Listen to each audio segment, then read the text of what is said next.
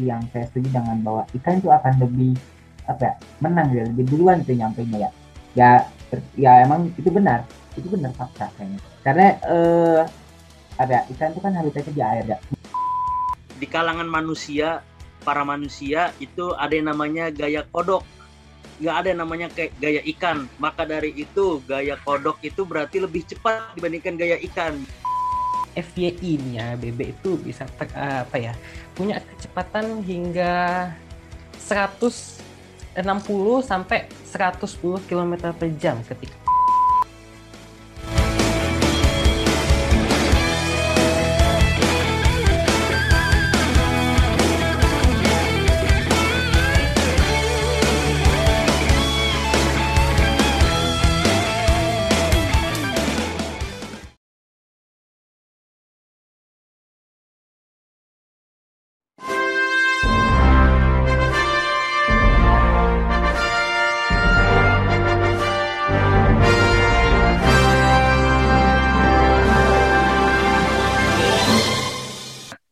Dan kita akan berlanjut kepada mosi ketiga, mosi terakhir, dan insya Allah mosi terakhir ini tidak serius ya. Jadi mosi yang main-main aja ya. Oke, kita akan masuk ke mosi ketiga.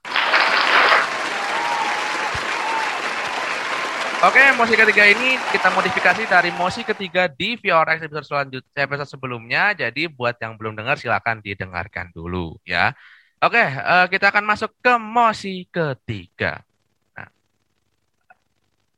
kalau misalkan, ya, kalau misalkan di sebuah di sebuah air, di sebuah sebuah air, ya maksudnya bisa kolam, bisa akuarium dan sebagainya, apabila diadu, mana yang akan sampai duluan? Pertama, bebek. Yang kedua, ikan. Yang ketiga, kodok. Sekali lagi, kalau diadu, mana yang akan sampai duluan? A. Bebek. B. Ikan. C. Kodok. Ya, nak kasih aba-aba untuk raise hand. Tiga, dua, satu. Oke, Farhan. Ya. Akhirnya Farhan ya, oke. Pilih yang mana Farhan? Ini yang di kan di kolam kan ya di air. Oke, yang milih ikan.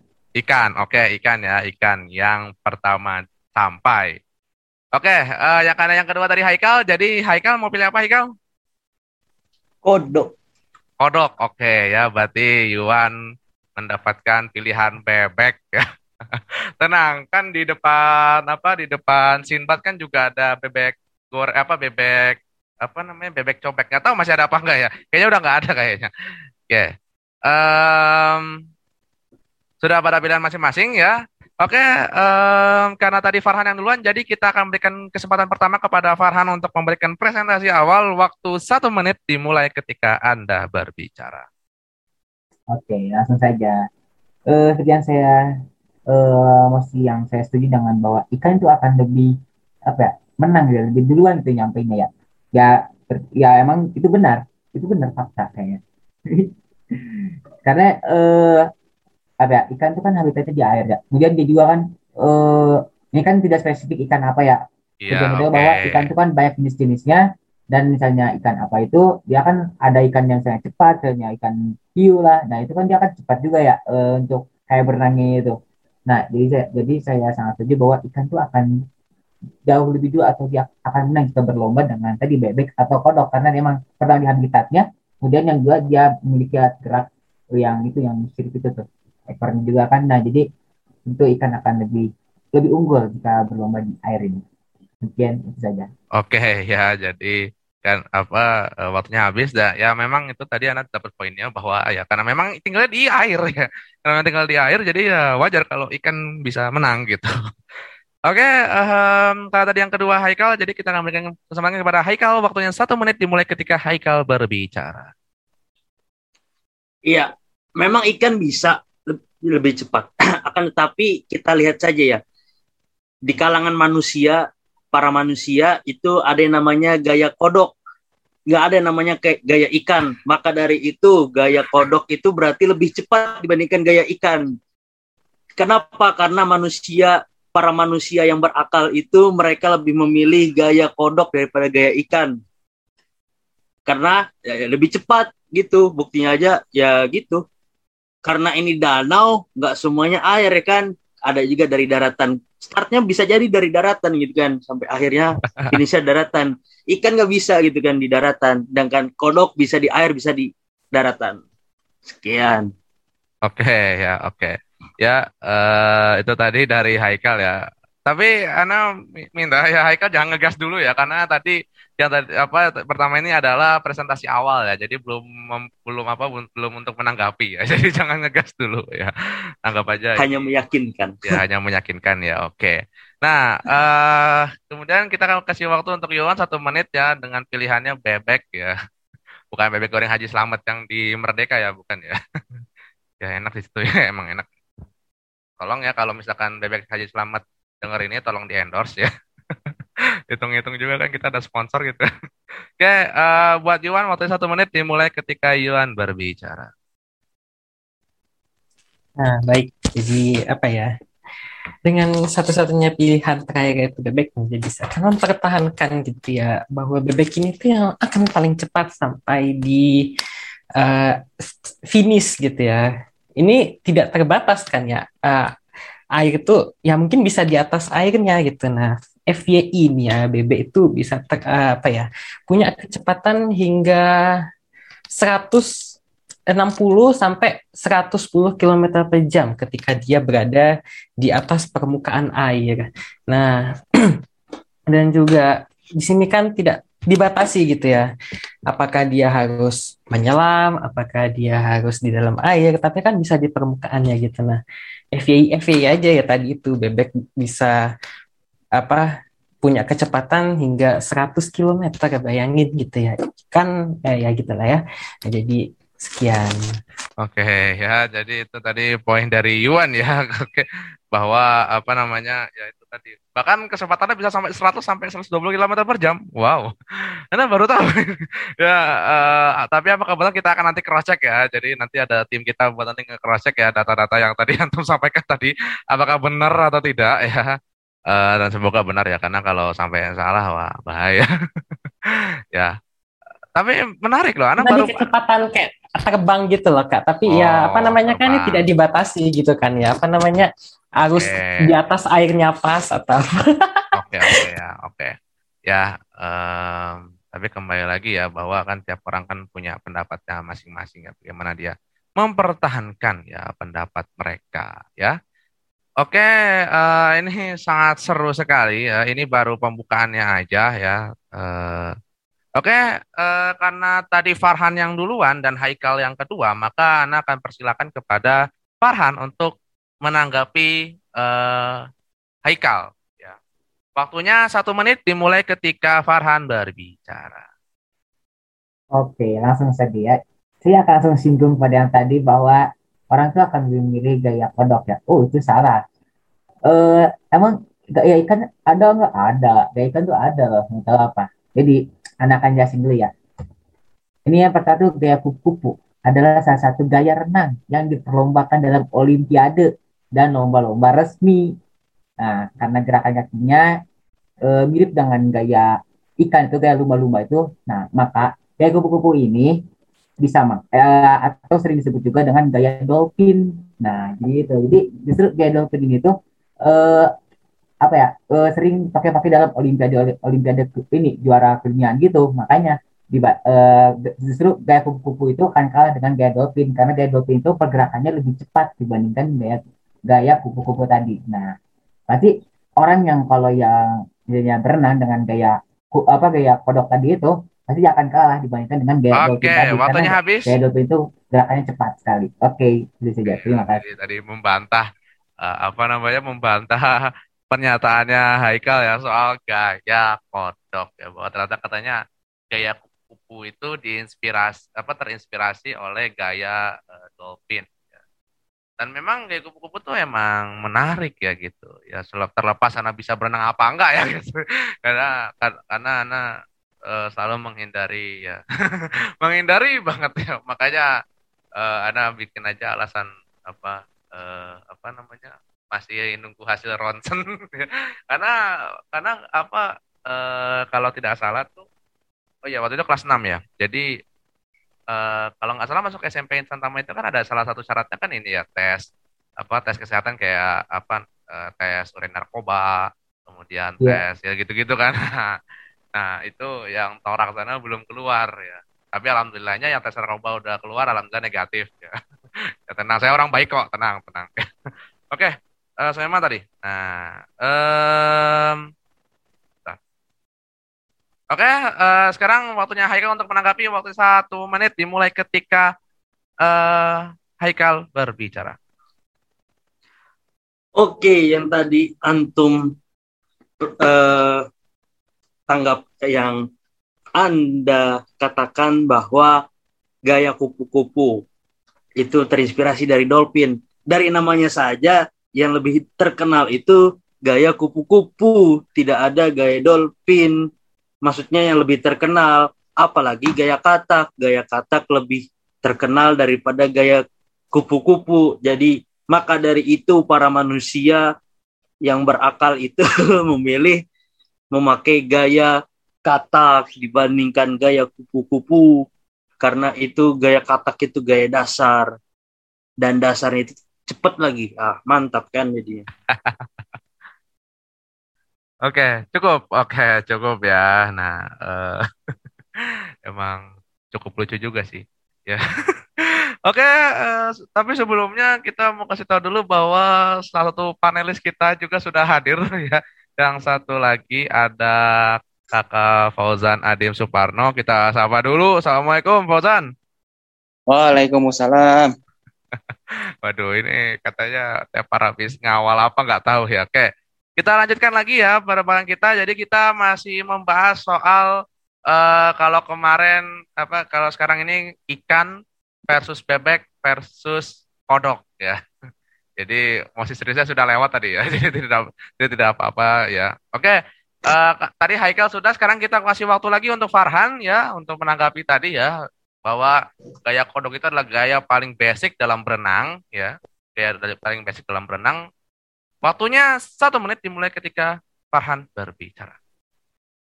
Oke, langsung saja ya uh, emang orang itu emang kayak jarang mengenal gaya dolphin. Tapi gaya dolphin ini tuh emang sering banget dipakai dalam perlombaan-perlombaan dunia ya. Karena emang gaya dolphin itu kan terkenal dengan emang kita bisa lihat bahwa lumba-lumba itu kan sering gini ya. Nah gini-gini ya. Nah jadi pernah itu sih habis mujur di dalam air itu dia gitu-gitu dulu tuh.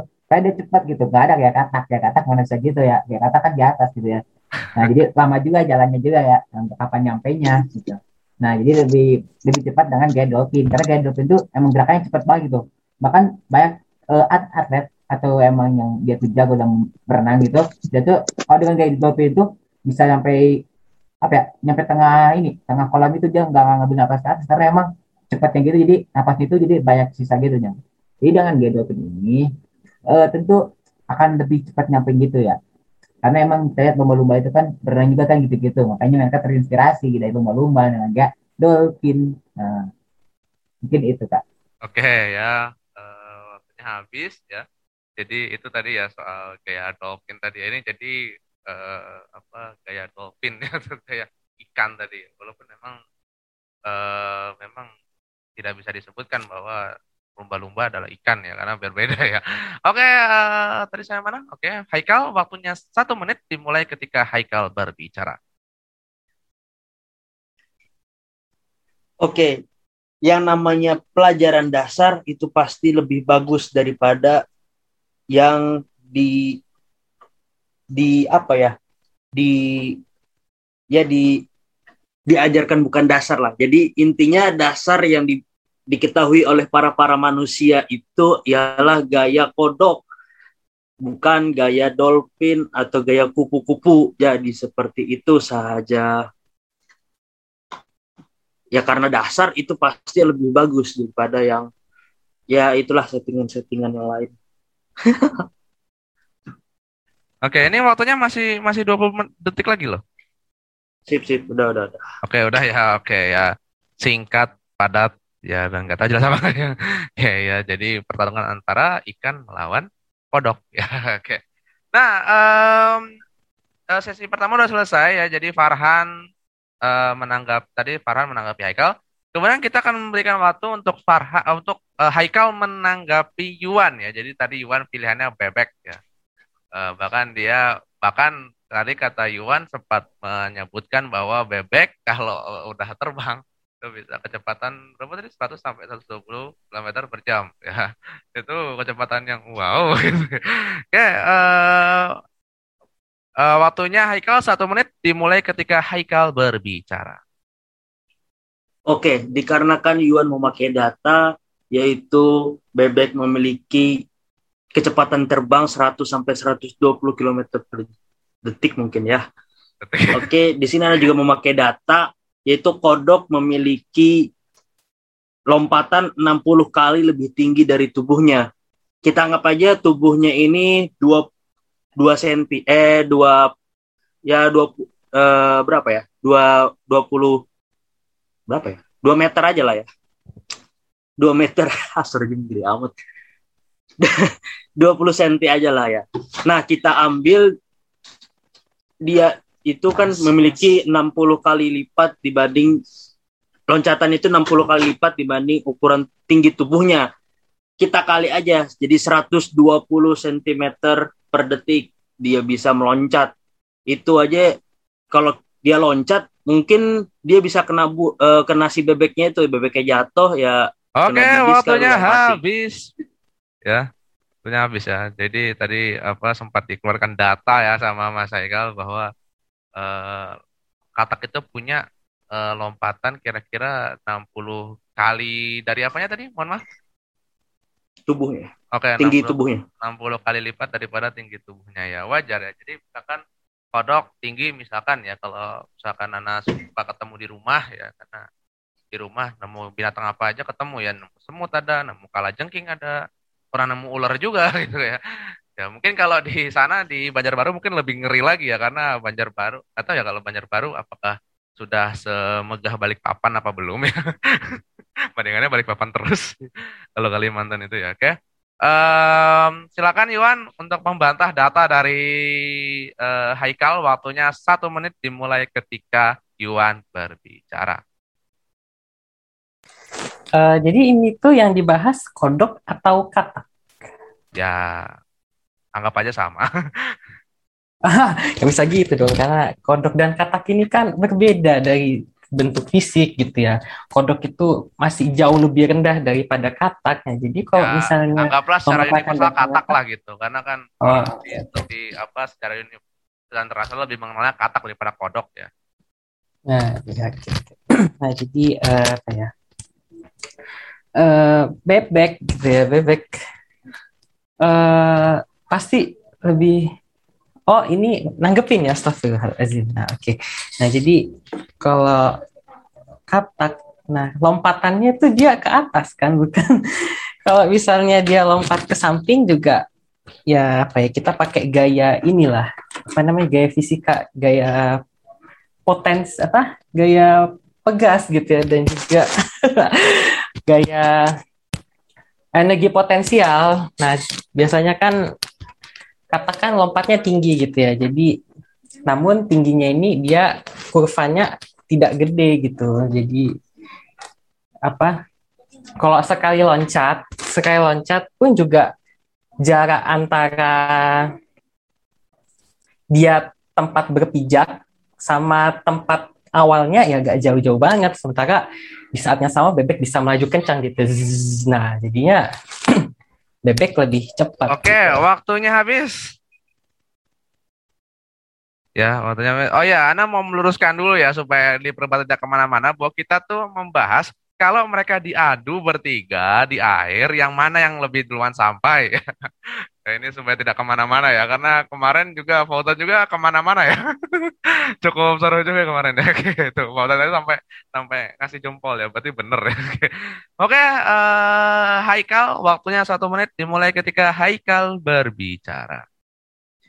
Oke, ini memang di air, tetapi mungkin spesifikasinya nggak di bawah air atau di permukaan air atau di atas air kan. Nah, jadi di sini ana, eh, pendapat dari Ana itu kodok bisa lebih dari bebek dikarenakan dia memiliki lompatan yang lebih lompatan yang tinggi gitu. Coba eh, tadi 120 km eh, 120 kecepatannya tadi lah ya bebeknya terbang kemudian si katak ini juga punya kecepat eh, anggap aja tadi 2 cm tingginya si katak maka 60 kali lipatnya 120 120 120 sama ya kita bisa aja gitu kan kataknya itu tiba-tiba di atas pundaknya si bebek gitu kan. Waktu bebeknya udah mau nyampe finish si ko- si kodok lompat lagi kan jadi lebih cepat dia. Jadi seperti itu perumpamaannya atau mungkin bisa saja waktu si kodoknya naik di atas bebek habis. bebeknya jatuh gitu Ya, aduh, ini ini namanya saling mensabotes ya. Jadi, tapi tampaknya tidak ada ini ya, tidak ada perlawanan ya ikannya. Nanti kita lihat bagaimana ikan melawan bebek. Apakah nanti ikan juga akan mensabotes bebek ya? Seperti tadi skenario-nya kodok akan mensabotes bebek ya. pas udah mau sampai finish ya, kita belum tahu ya. Oke, Yuan, terakhir waktu satu menit dimulai ketika Yuan berbicara. Eh, nah, jadi apa ya? Kan eh ikan ya, misalnya tadi ikannya nabrak bebek gitu ya, sampai bebeknya jatuh. Nah, pas eh ikan astagfirullah, katak gitu ya, katakan. Astagfirullah. Nah, jadi katak gitu ya, begitu dia nginjek si bebek, si bebeknya jatuh. Gimana ya? Maksudnya bebek kan berat gitu ya sementara katakan cuma secuil gitu ya yang nggak bakal jatuh gitu jadinya nggak akan berpengaruh dan ketika bisa jadi gitu ya ketika kataknya melompat si bebek ini pakai booster gitu justru kan langsung disusul gitu Aduh. ya jadi mungkin segitu aja terima kasih Aduh. Waduh ya, nampaknya tugas saya sebagai host gagal ya. Ini jadi ke mana-mana ini.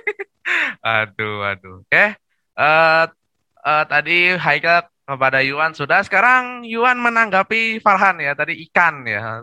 Tadi sempat disinggung ya soal gaya dolphin kayak kupu-kupu ya. Terinspirasi dari lumba-lumba, terinspirasi dari ikan ya. Oke, eh Yuan waktunya satu menit dimulai ketika Yuan berbicara menanggapi Farhan. Tadi kan perumpamannya lumba-lumba ya. Nah, lumba-lumba kan geraknya cepat gitu ya. Sementara ya danau, danau itu kan eh, nggak terlalu besar lah ya. Nanti tahu-tahu begitu nyampe di finish, nabrak, akhirnya kan mental lagi ya. Berarti nggak finish gitu kan. Jadinya bebeknya melaju, menang. Mungkin segitu aja. Waduh, waduh. Ini masih 30 detik loh nih. Udah kak, saya kehabisan kata-kata. Oke, gak bisa kata-kata ya, karena memang bukan musik serius ya. Beda tadi ketika musik serius ya, semuanya saling meradu ya.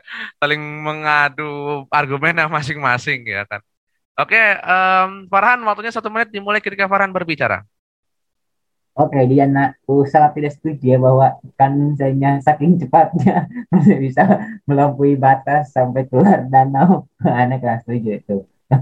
Karena ikan kan punya mata juga ya dia bisa apa ya udah bisa punya insting lah udah udah mulai daratan.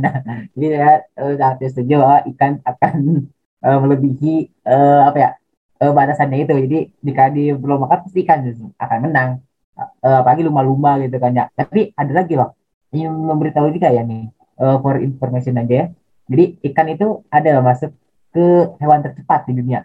Namanya black marlin. Oh, black marlin. Dia itu bisa eh, berenang sejauh 132 km per jam. Oh, bayangkan. Eh, bebek gimana tuh? Eh. Atau kodok ada gimana nggak ada kan? Jadi ikan lah. Ikan harus tetap menang. Thank you. Terima kasih. Oke, oke ya. Ini bahkan sampai tadi sempat mengeluarkan data ya. Ini seru sekali ya. Bahkan untuk sebuah musik tidak serius saja, ini kita mengeluarkan data ya. Luar biasa ya. Oke, eh, Yuan ya. Waktunya satu menit dimulai ketika Yuan berbicara. Nah, eh, apa ya? Eh, gimana kalau misalnya gini gitu ya, skenario-nya eh, gimana kalau misalnya ternyata titik apa uh, finishnya itu ada di daratan sementara si ikan nggak bisa manjat gitu kan ya nah akhirnya ya si ikan merasa sudah finish padahal belum finish gitu. Akhirnya si bebek tetap maju terus dengan gunakan kekuatan tambahan kayak nos habis itu dua kali speed. Nah akhirnya Aduh. nyampe gitu. Mungkin sekian itu saja.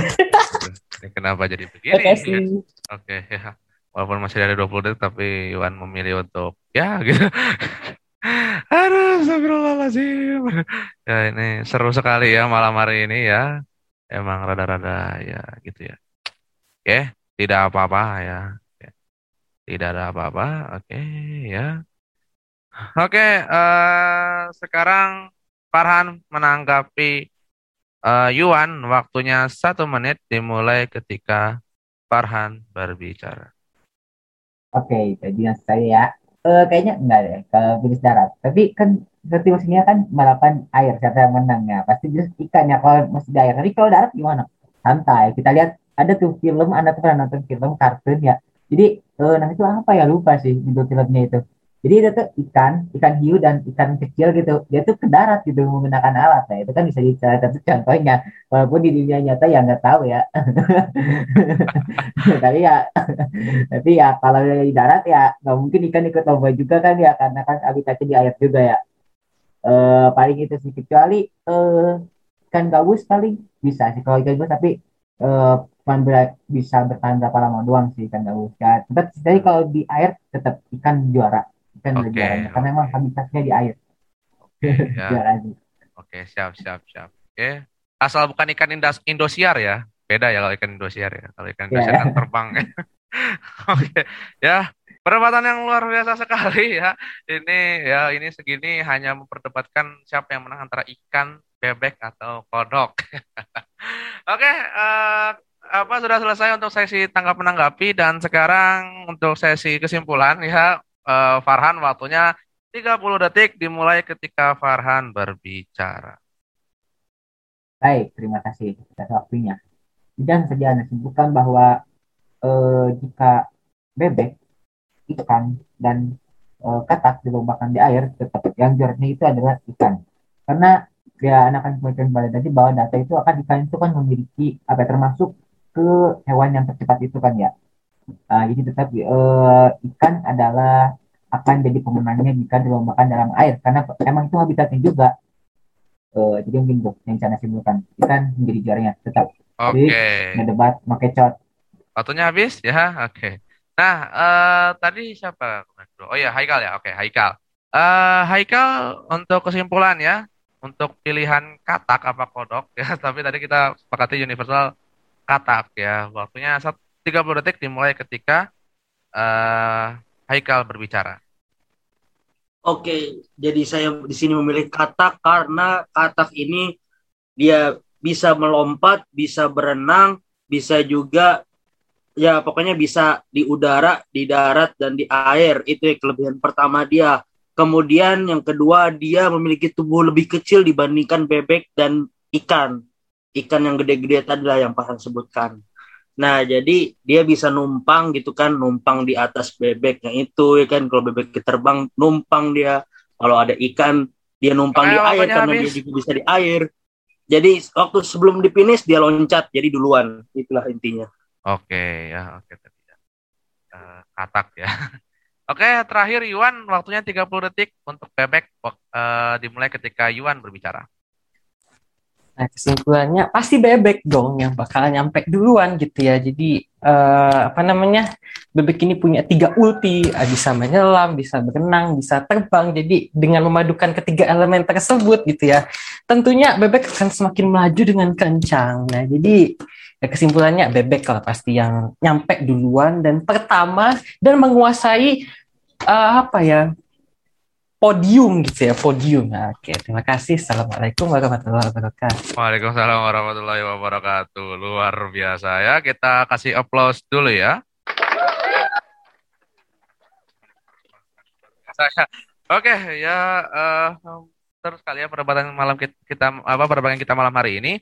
Tapi sebelum kita beralih ke sesi apa untuk tanggapan dari panelis, uh, kita perkenalkan panelis yang baru hadir.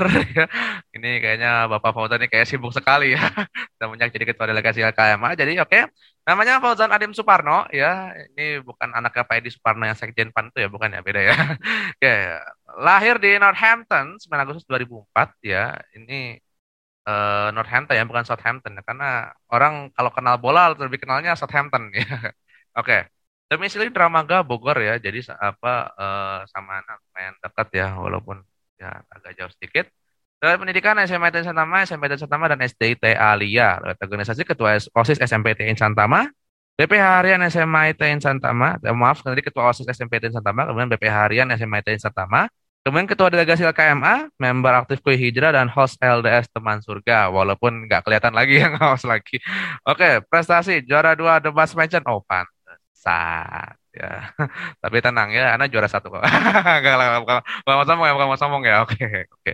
Ya dan motonya fight your front line ya. Jadi lawan terus oke nah uh, kita akan minta tanggapan dulu ya karena tadi uh, Fauzan baru bergabung kita akan minta tanggapan dulu sama Fauzan ya uh, kepada Bapak Fauzan ya uh, untuk tanggapannya silakan Oke, alhamdulillah terima kasih banyak atas kesempatannya gitu. Ini juga Oke, tapi sebelum itu kita salam dulu. Bismillahirrahmanirrahim. Assalamualaikum warahmatullahi wabarakatuh. Waalaikumsalam warahmatullahi wabarakatuh. Nah, ini apa gitu Ana sempat tadi terlambat terlambatnya ini juga bukan 10 menit bukan 15 menit parah banget emang Ana gitu. Harus ditelepon itu biar uh, berdiri HP-nya. Karena ketika seorang manusia dalam posisi tidak sadar itu sangat berbahaya ya. Bisa melewatkan baik agenda. Oke sip, uh, di luar dari itu, uh, apabila Anda diminta untuk menanggapi dari yang Anda dengar tadi, sebenarnya ketika kata uh, lumba-lumba dan juga ikan ya tadi, benar tidak? Uh, ikan, katak sama ikan, bebek. Ikan, katak dan bebek. Kalau kita perhatikan dari bagaimana cara mereka berorganisasi gitu bahasanya. Bayangkan uh, kepada sebuah kerajaan ikan, sebuah kerajaan yang raksasa. Mereka memiliki bahasa yang diverse. Coba Lumba-lumba itu hanya salah satu dari ikan. Ketika kita berbicara ikan, sebut saja ikan hiu, ikan paus, yeah. ikan terbang. Kita bisa buat uh, sebuah federasi dari negara-negara ikan dan menaklukkan bangsa bebek dan lumba-lumba. Waduh, waduh, waduh, waduh. jadi, jadi kita bisa mengembangkan yang namanya mosi gitu, agar bisa ya bahasanya berkreasi gitu melawan lawan-lawan yang tadi bebek sangat kencang. Oh tidak, kita punya ikan marlin gitu ntar dia terbang kita tusuk gitu itu bisa menangkan pertarungan di lautan berbicara soal air tawar ikan juga nggak kalah gitu sebenarnya anak was was tadi yang megang ikan tuh siapa gitu kan. Ini kesempatannya sangat besar gitu. Karena Indonesia itu sebuah negara yang unik. Kita bahasanya ribuan. Suku adatnya ribuan. Kebinekaan kita itu udah bawaan dari lahir gitu bahwa kita tuh sangat beda gitu. Sunda sama Jawa aja udah ada banyak perbeda perbedaannya. Tapi kita disatukan dengan apa? Dengan dinul Islam dan bahasa Indonesia gitu. Kalau kita tahu di parlemen di Uni Eropa sana gitu, mereka kalau ngumpul itu maka 23 bahasa, nggak ada bahasa resminya. Kalau Indonesia ada masalah, dari berbagai suku bangsa Indonesia itu ngumpul masih pakai bahasa Indonesia. Ini harusnya tim ikan bisa membuat sebuah loncatan tinggi dalam koordinasi dan komunikasi antar ikan. Kunci kemenangan Blitzkrieg Jerman di masa-masa awal bisa mengalahkan Prancis dalam kisaran 40 hari itu karena komunikasi dari para komandan tanknya gitu. Mereka tahu kalau infanteri ada di belakang mereka. Mereka tahu pasukan motorized ada di samping mereka. Tapi bagaimana cara mereka? Iya betul sekali. Bayangin jumlah tank, jumlah infanteri macam-macam Jerman itu lebih sedikit daripada Prancis. Tapi gimana mereka bisa menang? dengan sebuah koordinasi yang terpusat dengan sebuah kalau sebutannya Ober Komando apa sih Ober ya OKW singkatannya itu mereka menggabungkan di mana Wehrmacht itu terdiri dari atau ya The Heer ya sebutan untuk tentara Jerman ada Luftwaffe dan Kriegsmarine semuanya berkoordinasi untuk mencapai tujuan yang sama dan ini juga sebenarnya anak penasaran tadi untuk kawan-kawan sekalian baik dari bebek baik dari lumba-lumba baik dari uh, uh, katak ya atau eh, atau ikan gitu. Kenapa kalian tidak membuat sebuah persatuan di antara pertingkaian kalian? Gitu? Ini mungkin mestinya disebut uh, kalian harus uh, saling dipaksa bertarung, dipaksa melawan. Tapi kenapa tidak terpikirkan bahwa kita harus bareng-bareng kita patahkan emosi ini. Siapakah yang menyuruh kita untuk bertarung? Mari kita bersatu. Waduh. Wahai bebek, wahai lumba-lumba, En- ente penguasa air tawar, ada penguasa eh, ya di laut gitu, ada penguasa sungai gitu. Kita bagi saja bagaimana administrasinya di antara masing-masing. Hmm. Ada banyak cara gitu. Kalau mau Iya. bertarung manfaatkan koordinasinya gitu. Hmm. Kalau mau bersatu ya, you know, there's many ways to unite gitu. Oke. Masing-masing dari kita punya front line, punya garis Hmm. juangnya masing-masing. Oke. Uh, I fight in here, you fight in there. So push it. Oke. Dorong terus. Selesai. Oke, cukup ya? Cukup. Oke ya. Waduh, ini saya bisa bisa di bisa bisa dituduh sebagai ini nih tukang adu domba ini. Bahaya. Oke, eh, tadi sudah dari Akang Fauzan. Nah, sekarang tanggapan dari eh, Datuk Fakih. Ini karena orang Melayu ya, jadinya kita panggil Datuk saja. Oke, eh, kepada Datuk Fakih, eh, dipersilahkan. Baik, terima kasih. Wah, kalau sebelumnya tadi mosinya serius, ini nggak serius, tapi hebat ya, hebatnya kalian semua ini eh, anti mainstream ya, pembahasannya padahal cuman kodok, kemudian ikan sama bebek, tapi bisa sampai ke dolphin, macam-macam ya. Gaya ini gaya itu luar biasa ya. Nah, kemudian apa namanya sampai eh, bebek itu sekian sekian larinya, Eh, apa namanya sekian sekian kecepatannya, sorry. Nah menariknya gini kan yang ditanya itu adalah se- mana yang paling cepat ya mana yang paling atau mana yang sampai duluan antara tiga itu di air ya kan nah sekarang mungkin kalau kita mikir mikir gaya anak-anak kali ya coba Iya. bebek hidupnya full time jadi mana yang full time di air gitu full time Hmm. running di air gitu nah kalau bebek apakah dia di air terus-terusan enggak Enggak. Kemudian eh, kodok, apakah terus-terusan di air? Enggak juga. Nah, jadi yang terus-terusan tuh siapa ya gitu? Nah, ini ini apa namanya? eh kayak apa ya? Kalau kalau dibilang pakar rebet itu, jadi semakin sering dilakukan, nah, semakin jago dia. Nah, kalau tadi Fauzan itu kan dia eh, menunjukkan bahwasannya ini ada teori dari sini sini segala kemudian apa namanya eh, negara-negara segala macam. Nah, kalau ini menurut Ana adalah nunjukin bahwasannya ketika itu ada goncangan nih, ketika ada goncangan jerk gitu dikasih dikasih air dikobok-kobok gitu ya. Nah, di situ tuh sebenarnya sedang diuji coba tuh. Mana yang lebih tahan, mana yang lebih kuat dan mana yang lebih sampai duluan ketika dikasih ujian. Nah, apakah dia kodok, apakah dia bebek, apakah dia ikan?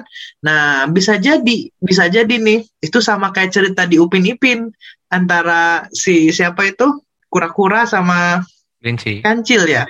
Ah, kelinci. Nah, ternyata gitu kan dia sampai duluan kura-kura walaupun sebenarnya secara logik ya kelinci. Nah, sama juga seperti ini kalau logika kita pasti kita bilang ikan lah, ikan yang paling ikan yang paling sering di air dia full time running di air. Sedangkan kodok sama bebek kan enggak. Tapi bisa jadi ketika dikobok-kobok airnya itu situasi berbeda. Ini menunjukkan bahwasannya kita semua itu punya eh, apa namanya daya resistensi, harus punya daya resistensi, harus juga punya eh, apa ya kekuatan menunjukkan bahwasannya kita itu bisa sampai finish walaupun banyak benar ujiannya.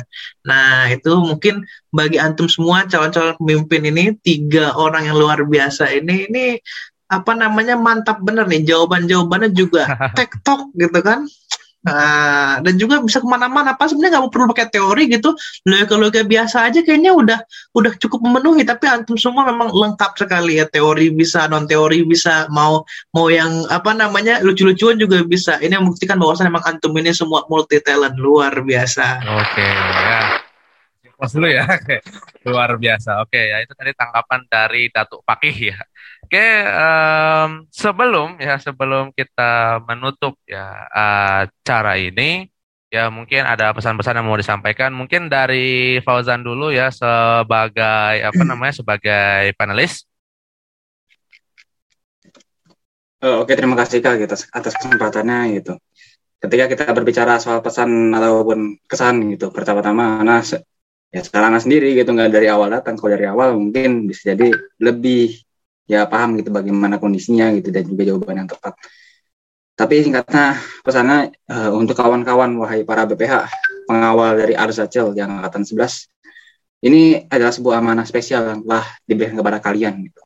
Dan ini adalah sebuah amanah yang telah eksis ya kurang lebih selama SMIT Insan Tama ada. Yang artinya ya ini sebuah kehormatan, this is a privilege gitu. Uh, I, I'm not talking about you're the special one, but uh, you can make yourself special if you think you can. Singkatnya, memang sekarang antum diamanai sebagai BPH. Yang artinya secara tidak langsung ataupun langsung antum dituntut untuk menjadi baik gitu. Antum dia selalu diawasi bahasanya, tapi jangan khawatir gitu. Memang semua dari kita sama gitu startnya. Tapi ada pilihan apakah antum ingin menjadi spesial atau tidak. Dan juga spesialnya antum, baiknya antum ini akan ngaruh ke semuanya gitu. Karena ya nasib Arzacel gitu bahasanya ada di bawah pengawalan kalian lah singkatnya. Ditambah dengan ikhtiar dan tawakal kepada Allah Subhanahu wa taala. Kalau ada kesulitan, ada apa-apa, santai gitu. Kita azimut masih ada gitu, masih bisa saling kawal lah. Jangan sampai ada yang namanya lost generation lagi lah antara kita semua. Saling bantu karena kita tahu agenda kesiswaan nama itu sangatlah hebat, sangatlah padat, sangatlah uh, cepat gitu. Harus memerlukan speed responsif yang tinggi masing-masing angkatan ada masalahnya sing penting tetap berjuanglah fight your front line bertarunglah di garis perjuangan kalian dan itu kak Oke, ya uh, terima kasih uh, Akang Fauzan untuk pesannya ya. Kemudian Datuk Fakih untuk pesannya silakan. Halo Datuk Fakih. Oke, uh, silakan Datuk Fakih untuk pesannya. Baik, terima kasih selamat kepada tiga calon pemimpin. Ya, ini kita akan tunggu ya.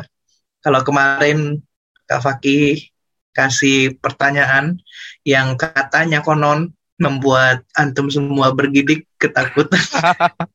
Ada tapi kali ini, tapi kali ini uh, kakak punya apa ya uh, harapan besar buat antum semua hmm. untuk memegang amanah ini dengan sekuat tenaga ya. Kalau misalnya uh, ada yang kurang maka lengkapi, ada yang sudah bagus maka pertahankan. Kalau yang belum ada maka adakan. Nah, kakak berharap antum memberikan impact yang baik bagi teman-teman lingkungan sekitar antum khususnya di sekolah.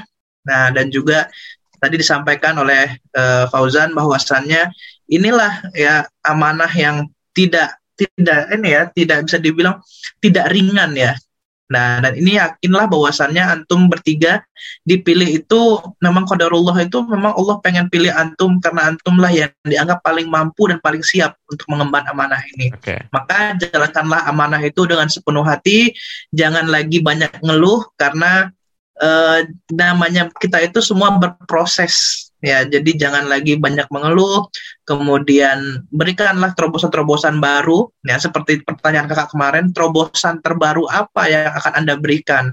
Nah, jadi jangan lagi bertanya gimana nih nanti uh, teman-teman gimana responnya? Kita uji dulu kita coba dulu. Kalau memang disetujui kita laksanakan. Kalau memang belum optimal maka kita optimalkan apalagi yang impact-impact baik ya kayak misalnya program-program yang baik maka kita jalankan kembali. Kalau ada yang sempat mandek di periode sebelumnya maka kita jalankan kembali pasti ya di setiap itu ada kekurangan maka kita usahakan kekurangan itu bisa kita tutupi dan juga uh, menjadi kelebihan positif dan komparatif advantage bagi kita. Nah yakin semuanya bertiga semua saling melengkapi satu sama lain. Jangan ada ego di antara kita ya. Kalau itu kan jangan ada dusta di antara kita. Kalau jangan ada ego di antara kita ya. ya Jadi antara antum bertiga ini sinergi, jangan ego sendiri-sendiri gitu. Jadi semuanya harus sinergi antum antara Farhan, antara Haikal, antara uh, Yuan itu kan harus saling uh, ini ya harus saling bekerja sama, berpartnership satu sama lain karena kita itu tim. Jadi seperti yang bilang tadi itu tim itu together everyone achieves more. So inilah chance bagi kalian untuk buktikan bahwasannya pemimpin sejati itu adalah pemimpin yang betul-betul menerapkan transformational leadership Kenapa transformational leadership yang kita pilih? Karena transformational leadership ini dia mampu mengkombinasikan antara pemimpin yang baik kayak antum bertiga ini insya Allah dan juga nanti at, uh, bawahannya itu akan ikut baik karena melihat atasannya sosok atasannya itu betul-betul menjadi panutan luar dalam ya anda yakin antum semua ini orang-orang solih, maka antum berikan kesolehan antum itu jadi uh, persona bagi antum supaya orang-orang yang belum soleh menjadi ikut soleh. Kinerjanya yang biasa-biasa aja menjadi luar biasa. Nah, mungkin dari anak demikian pesan-pesannya. Semoga bisa di, uh, di, apa namanya dimanfaatkan sebaik-baiknya kesempatan diberikan oleh Allah Subhanahu wa taala kepada antum sebagai uh, eh, BPH ya luar biasa. Terima kasih okay. atas kesempatannya. Wassalamualaikum warahmatullahi wabarakatuh. Waalaikumsalam warahmatullahi wabarakatuh. Uh, terima kasih kepada Datuk Paki Arif untuk pesan dan kesannya ya. Uh, kemudian mungkin pesan-pesan apa pesan-pesannya untuk uh, apa Mas Haikal uh, silakan mungkin untuk ada ada pesan atau kesan yang mau disampaikan. Oke, terima kasih kepada Kak Afik yang telah memberikan kesempatan saya berpendapat di ruangan Zoom ini. Terima kasih juga kepada panelis Kak Fauzan dan Kak Muhammad Arif. Ya, saya mau memberikan apresiasi terima kasih yang utama kepada para panelis dan tuan rumah Kak Afik. Kemudian juga ya yang saya hormati juga dan saya cintai juga ya sesama BPH. Semoga kita saling bersinergi seperti yang dikatakan Kak Arif tadi, semoga kita dapat bekerja sama di dalam mengemban kepemimpinan OSIS kita ini. Jadi mungkin itu aja dari Ana. Oke, ya terima kasih uh, Haikal untuk pesan-pesannya. Kemudian uh, mungkin ada kesan atau pesan dari uh, Akang Farhan, silahkan. Kayaknya enggak, udah diwakilin Haikal. Udah diwakilin Haikal ya. Hmm. Oke, uh, kalau dari Yuan ada nggak? Apa kak? Uh, mungkin kesan atau pesan mungkin? Kesan apa nih? Ya mungkin selama acara ini gitu. Oh kesannya uh, seru kali ya. Setelah sekian lama gitu ya, tidak nggak sekian lama sih mungkin uh, hampir sebulan gitu ya tidak apa berdebat maksudnya ya debat formal kalau kemarin bulan kemarin ya kayak uji coba gitu ya untuk mencontohkan adik kelas nah Nah, seru gitu ya. Kalau pesan yeah. mungkin ya apa ya pesannya. Semoga lebih bagus lah. Ini udah bagus banget. Nah kita pengen apa? Uh, ya gitu ya. Pesannya udah bagus banget kak. Oke okay, oke. Okay. Kasih. Oke okay, ya. Kalau dari Farhan, tapi tadi kan udah diwakilin ya. Kalau pesannya, kalau kalau kesannya, ada nggak kesannya mungkin? Kesannya untuk acara ini. Iya. Ya bagus sih. Justru di sini anak juga, anak kan emang uh, salah satu orang yang nggak bisa debat ya apa kan juga eh, ya nggak masuk finalis kan beda Haikal sama Iwan ya tapi yeah. jangan adanya uh, apa forum ini itu ya latihan juga untuk tentunya belajar debat uh, terus kayak menyampaikan argumen juga dan lain-lainnya itu baik sih manfaat yang bisa anda ambilkan dari uh, forum ini tentunya oke okay, oke okay. ya terima kasih untuk uh, para peserta kita ada Farhan, Haikal dan juga Yuan dan juga panelis kita Kak uh, Datuk Fakih dan juga Akang Fauzan untuk malam hari ini dan juga terima kasih untuk para listeners dari Vlog Podcast yang sudah dengarkan uh, podcast ini ya semoga apa uh, poin-poin tadi bisa diambil hikmahnya dan juga bisa menjadi penambah knowledge kita untuk ke depannya bisa menjadi lebih baik lagi. Kita kasih applause dulunya dong. Oke. Okay. Nah, eh, uh, saya Afik Pramasa dengan resmi menutup forum ini. Oke. Okay? Saya Afik Pramasa selaku tuan rumah pamit undur diri dari ru dari ruang dengar Anda. Wassalamualaikum warahmatullahi wabarakatuh.